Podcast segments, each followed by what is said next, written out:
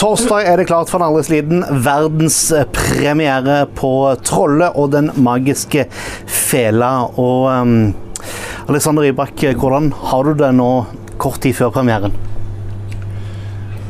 Skal vi se. Jeg er først og fremst veldig, veldig glad for å se alle med. Det er så stort team, og jeg er så glad for å se at alle er gira, og alle gleder seg.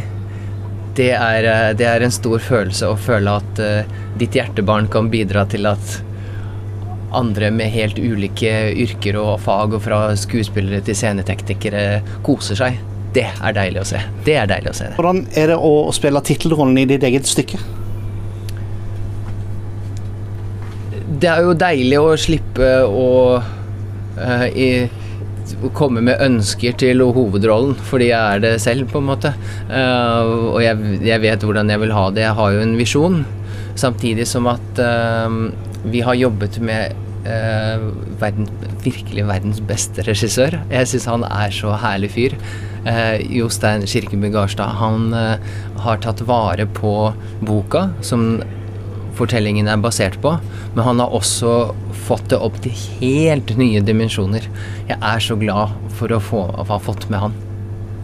Dette er et prosjekt som har holdt på egentlig siden 2014 ca. Ja, minst. Altså, boka begynte jeg å skrive på i 2010. Ja. Tenk deg det. Hvordan er det nå å, å, å, at folk skal få mulighet til å få oppleve det på en helt annen måte på scene? Jeg er veldig, veldig trygg på at folk vil få en magisk opplevelse. Eh, men noe som er nesten like viktig, er at jeg ser at alle andre rundt koser seg. Eh, det er ikke, det er ikke liksom bare mitt prosjekt. Jeg ser at alle involverte de, de setter pris på det.